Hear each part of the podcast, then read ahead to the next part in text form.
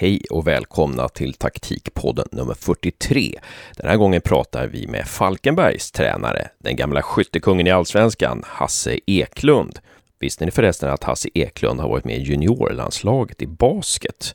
Och det är ingen tramsig fakta som jag bara slänger in sådär spontant, utan det betyder någonting. Han har faktiskt, den gode Hasse, använt sig av basketen för att utveckla fotbollen. Vad får ni höra mer Hasse prata om? Jo, ni får höra honom säga vad han jobbar med när det gäller forwards och vilket spelsystem som han själv trivdes bäst med som spelare. Ni får inget allsvenskt tips av Hasse, men ni kan få ett allsvenskt tips av mig. Den här Hasse, nämligen Hasse Karstensen, jag tror att Djurgårdens IF vinner SM-guld i fotboll för andra året i rad. Varför tror jag det? Därför att det är en av klubbarna som har behållit sitt tränarpar. Truppen är ganska intakt och man kommer att behålla ungefär samma spelsystem som förra året. Det skiljer sig en hel del från de andra klubbarna som har bytt tränare, blivit av med nyckelspelare, eventuellt har nyckelspelare skadade och eh, har bytt spelsystem. Vilka som åker ur däremot, det tipset tar jag en annan gång. Nu ska vi vara lite positiva, för det är ju faktiskt allsvensk nystart på söndag. På måndag kväll gör Taktikpodden något som vi aldrig gjort förut. Då kommer vi med Taktikpodden 44, ett extrainsatt avsnitt där vi senast en timme efter slutsignalen på måndag så analyserar vi en av matcherna. Och den som analyserar är naturligtvis vår virtuos, fotbollstränaren John Wall. Men nu ska jag sluta snacka så mycket. Nu kör vi igång. Nummer 43 med Hasse Eklund.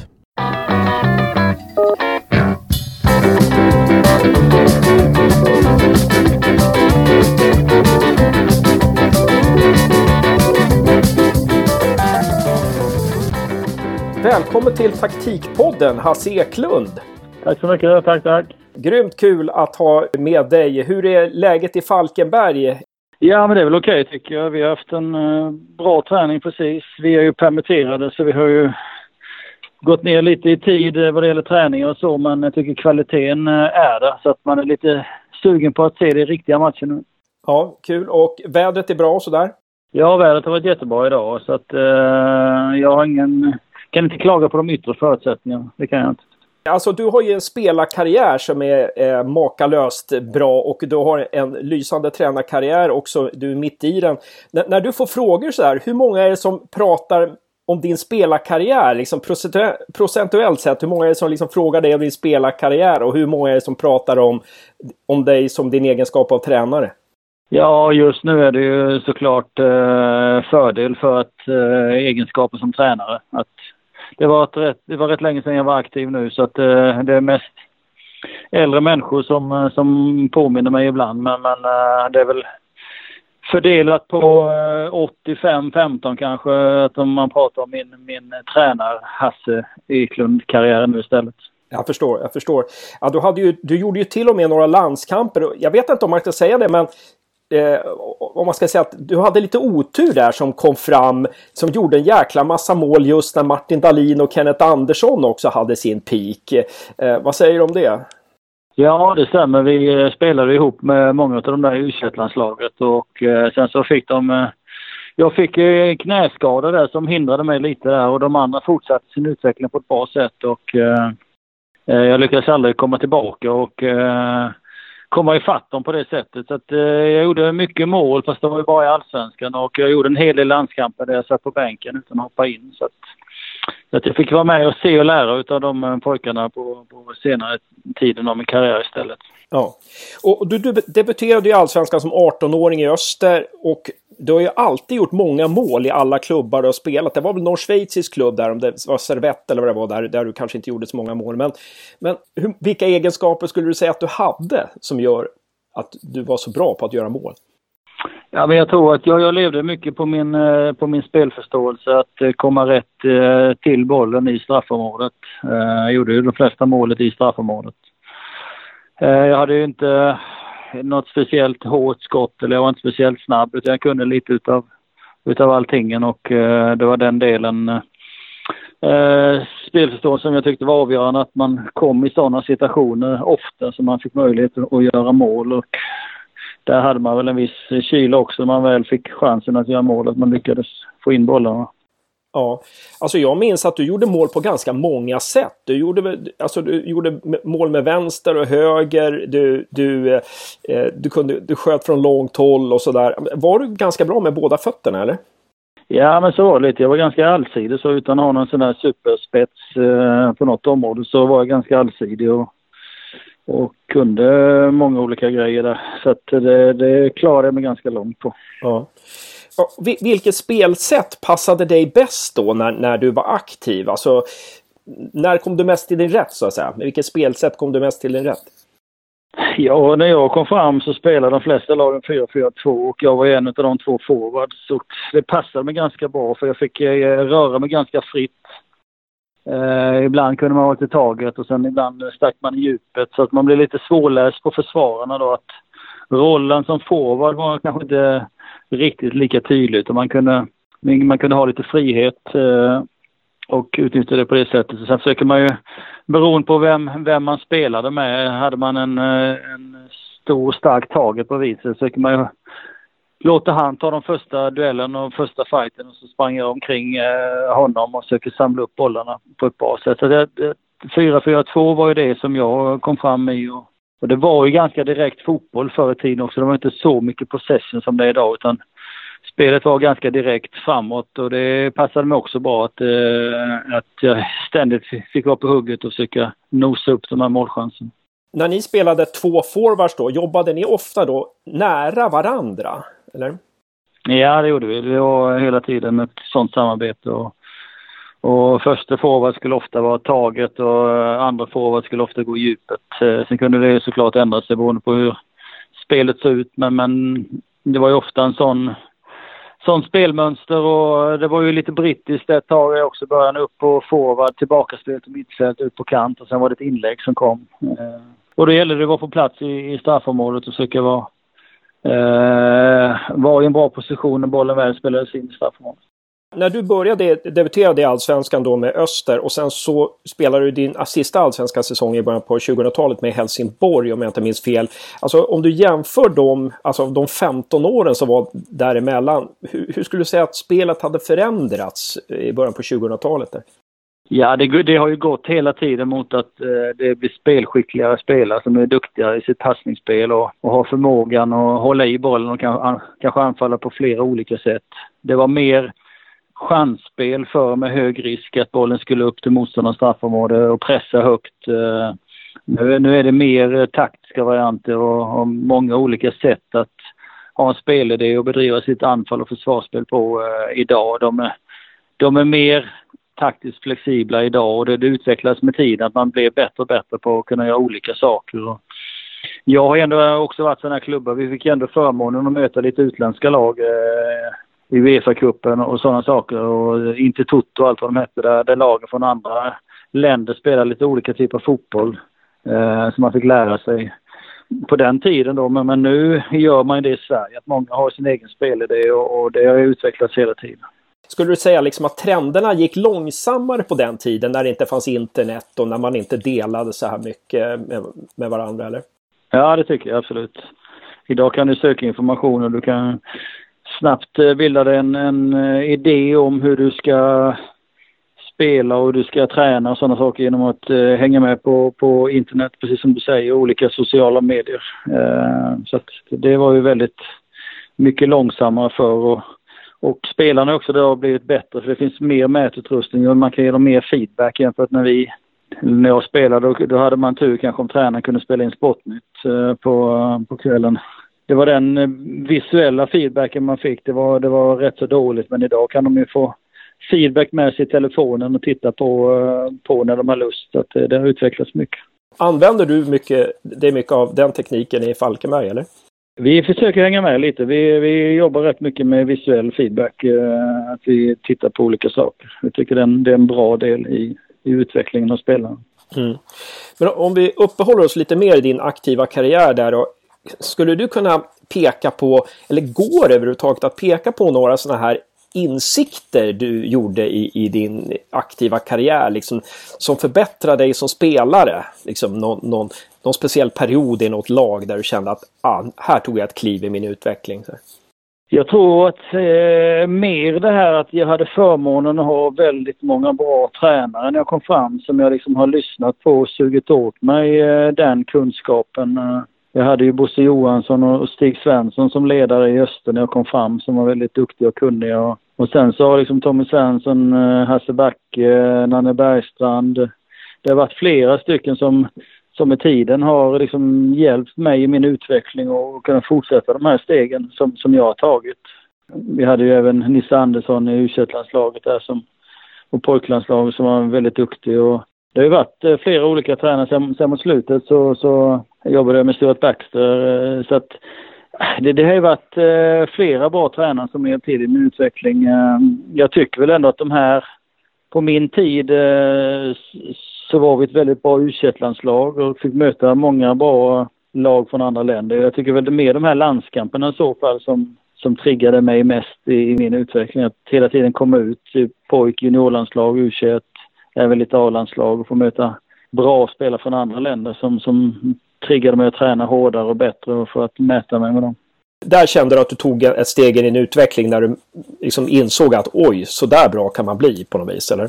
Ja, precis. De insikterna fick man där. Att, eh, jag har ju alltid tyckt om att träna och, och, och så saker. Men, men, men, där kände man att shit, de här spelarna är bra. Man mötte dem eh, i utlandet liksom att eh, det är en, kanske en nivå till som jag måste verkligen ligga i för att komma upp i och ta chansen och försöka se hur bra kan jag verkligen bli då.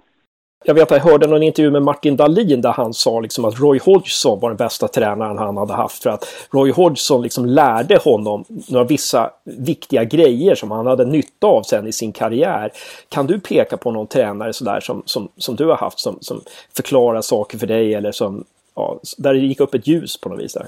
Eh, jag tycker att Bosse Johansson, eh, som jag hade först han hade en eh, väldigt human inställning. Liksom att han var väldigt noga med att man skulle ha en bra känsla, att man skulle må bra. Och, liksom, och jag har hela tiden haft, försöker ha med mig den här bra känslan in i varje match och, och även varje träning. Att det ska liksom kännas bra. Det tycker jag är viktigt. att man du ska inte gå in i någon match och vara nervös eller orolig utan lita på dig själv och lita på din teknik och lita på din förmåga. Och, spela bra fotboll. Se till att du mår bra och gör den här uppvärmningen för matchen som du trivs med. Bara du liksom är nöjd och att du presterar bra på, på matchen. Så det, det tycker jag var jätteviktigt för mig eh, när jag kom fram som 17-åring, 18-åring i Öster där. Liksom att må bra och ha en bra känsla med det hela tiden i träning och i match.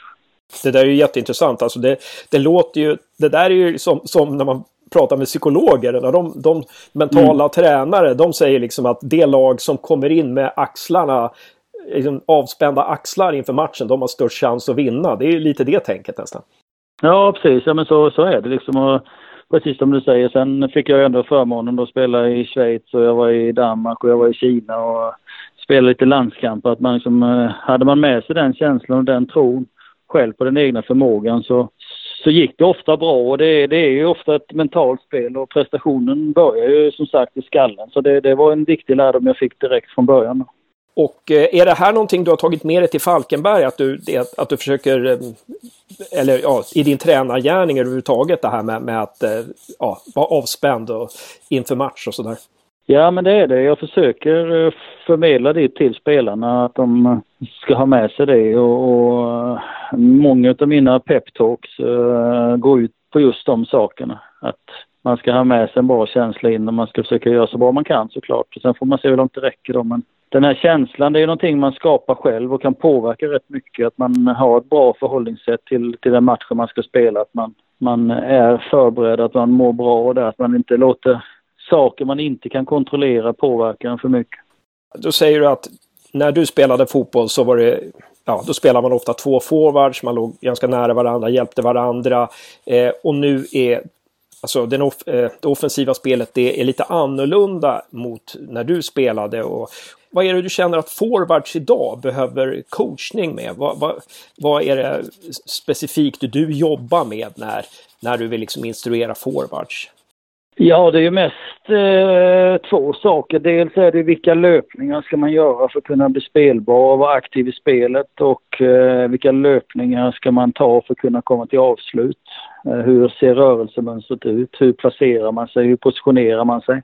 Sen så är det ju eh, avslutstekniken där att man eh, försöker komma till, till rätt position eh, vid rätt tillfälle och där hitta en, en avslutsteknik som gör att man får bollen på mål.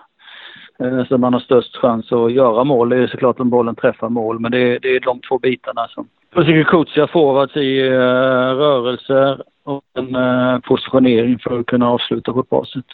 Är det någon skillnad, eller vilken är skillnaden på att instruera spelare då i, i allsvenskan gentemot superettan? Om vi tar en, en Sima Peter till exempel som hade spelat i Frej tror jag att han hade spelat in precis innan där och ja. då skulle göra sitt första år i allsvenskan vad jag förstår. Liksom, hur, hur, kunde du instruera honom? Vad behövde han lära sig liksom för att komma på allsvensk nivå?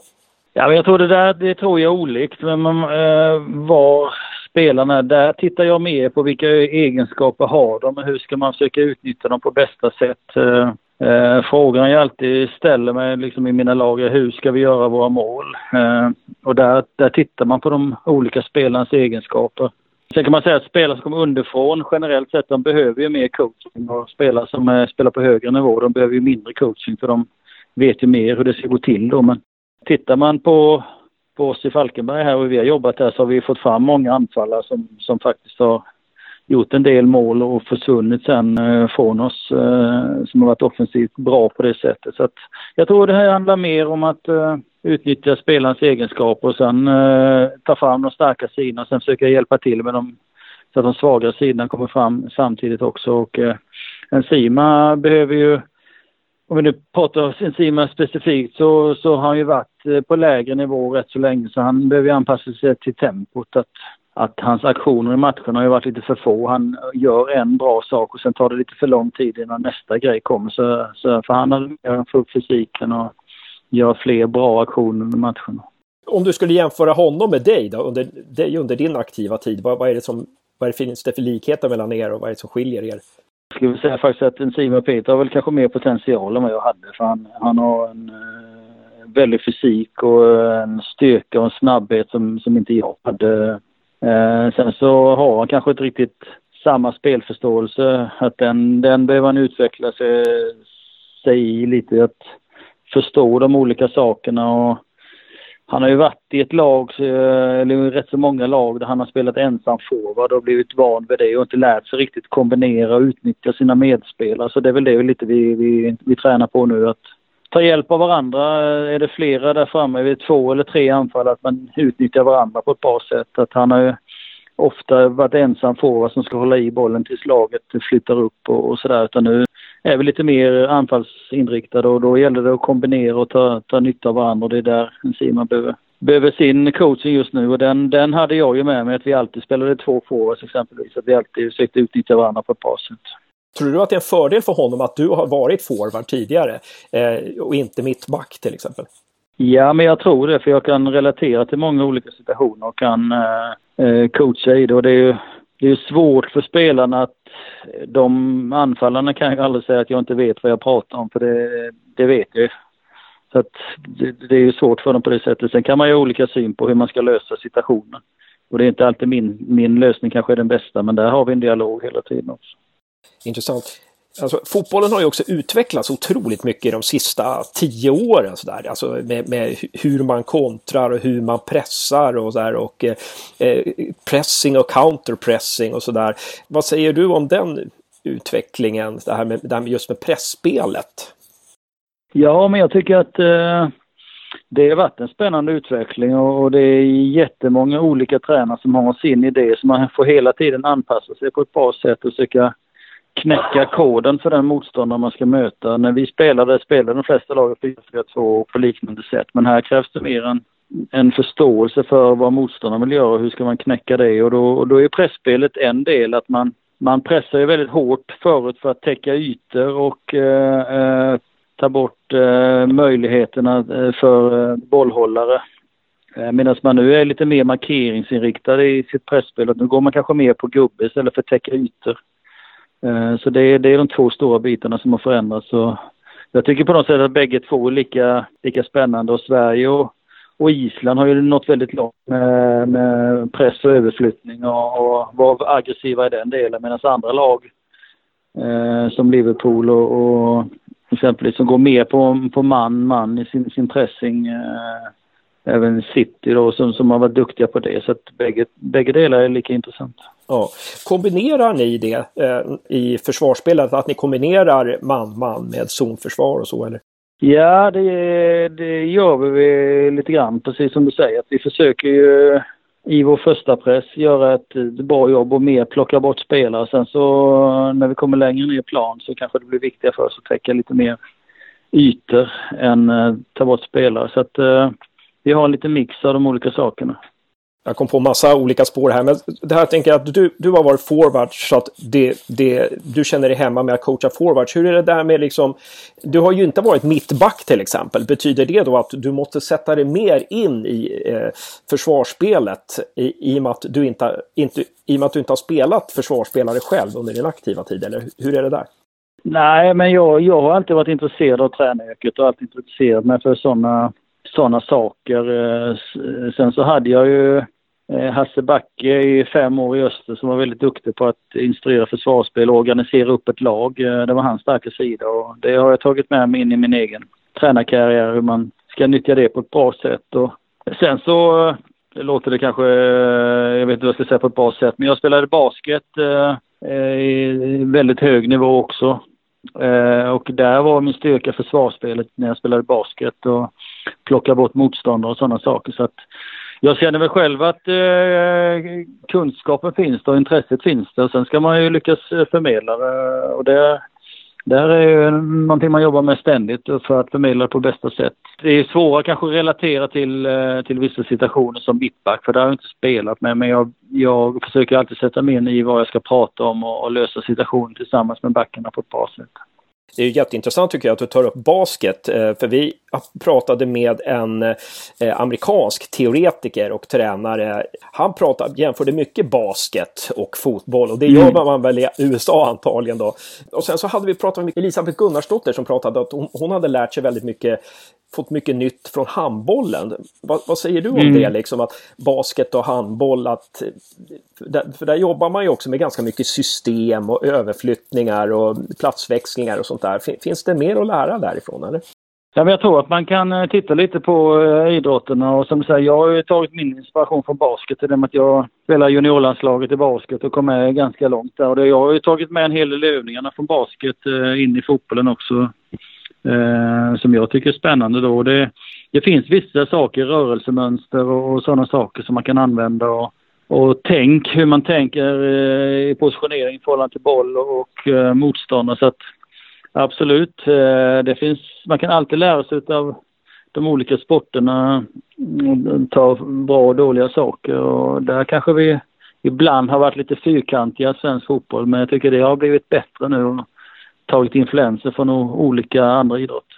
Vi börjar närma oss slutet här. Ska jag, jag har några frågor kvar. Jag tänker på alltså, någonting som är intressant med Falkenberg. Du var ju med och åkte ur med Falkenberg när det nu kan ha varit, 2016 kanske.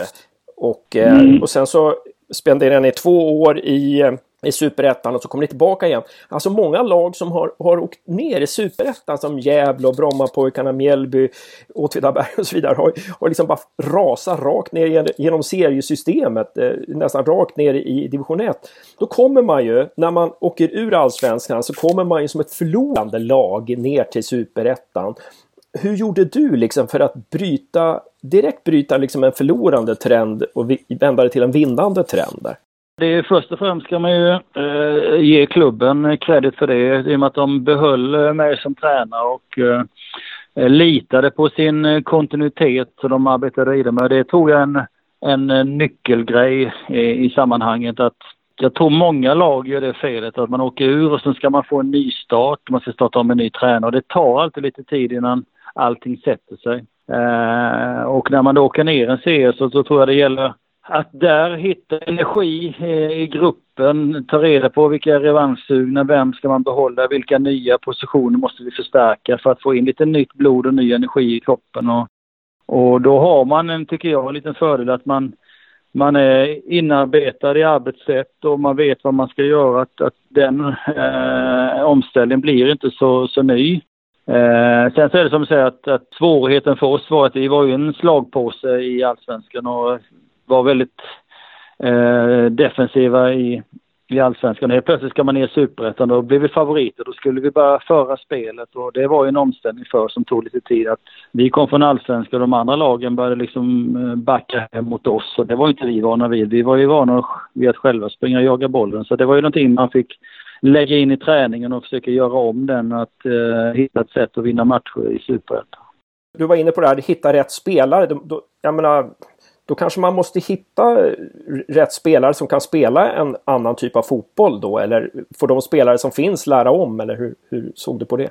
Ja, men lite så, precis som du säger, att, att uh, hitta de spelartyperna som uh, i detta fallet behövde vi ha lite mer bolltrygga spelare. Eh, spelare med revanschlusta som ville tillbaka till allsvenskan. Eh, spelare som inte eh, var knäckta av eh, alla de här motgångarna och förlusterna. Och när, när, när det går dåligt så märker man ganska snart vilka, vilka har bra karaktär, vilka har dålig, dålig karaktär, vilka behöver byta ut. Och sen så fanns det ju de som, eh, som försvann av andra anledningar också, när andra klubbar blev intresserade för att de hade gjort bra ifrån sig och sådana saker. Så vi lyckas för där, där tror jag det är extremt viktigt när man åker ur att scoutingen är eh, är bra så att man hittar rätt sammansättning på gruppen som, som är kvar om man nu vill tillbaka direkt. Mm. Så man måste scouta själv, man kan inte bara lämna allt i, i händerna på agenter då eller? Nej, precis. precis. Mm. Bra. En sista fråga då Hasse som vi har ställt till de senaste intervjuoffren här i Taktikpodden. Du har massa kunskaper nu som du inte hade för tio år sedan. Ja. Så om du kunde gå tillbaka tio år i tiden liksom, och ge dig själv den kunskapen eller insikten eller något sånt där som du hade behövt då. Som det hade varit bra om du hade vetat då. Ja, alltså det, det jag först tänker på det är ju feedbacken till, till spelarna. Att man har ju eh, helt annat sätt att arbeta visuellt med eh, analysverktyg och eh, statistik och sådana idag. Att den kunskapen som jag har idag om de bitarna, det, det har hjälpt mig väldigt mycket. Eh, och det är klart att då hade man sparat in tio år i tiden. Men att eh, hade man kunnat det för tio år sedan så hade man kanske legat längre fram i, i jobbet som tränare och tränat eh, bättre klubbar eh, på det sättet. Så att jag tycker mer analys av match och spelare, den, den kunskapen jag har idag skulle jag vilja ha för tio år sedan. De analysverktygen liksom? Ja, analysverktygen precis. Är det något speciellt sånt analysverktyg eller någon speciell sån där analys som, som man kan göra idag som är, som är så här superviktig som du som har jättemycket? Nej, men jag tycker bara det är själva helheten Men analys. Så tittade jag, jag man tittar ju alltid mycket hur spelet går, hur flyter det och han är bra och han är dålig. Och, men, men nu kan man ju lägga mer fakta och statistik bakom. Hur många passningar slår han rätt? Eh, slår han motståndarnas linje med sin passning? Eh, procenten i dueller är dåliga. Nu tittar jag på matcher på ett helt annat sätt efter vår spelidé och, och sådana saker. att du kan få lägga in vad du vill titta på motstånd i, i ditt analysprogram. hur anfaller de? Slår de inlägg eller inte? Sådana saker. Det kunde jag haft med mig när jag tittar på matcherna förr också utifrån statistik och sådana saker som, som jag önskar att jag hade för tio år sedan. Idag kan man, behöver man inte, jag menar, man, behöver, man kan lägga bort känslorna. Den här statistiken visar på svart på vitt liksom, så här är det. Ja, exakt, exakt. Stort tack för att du var med i Taktikpodden Hasse Eklund. Eh, och lycka till nu i Allsvenskan när säsongen kommer igång. Ja, stort tack. Lycka till själva.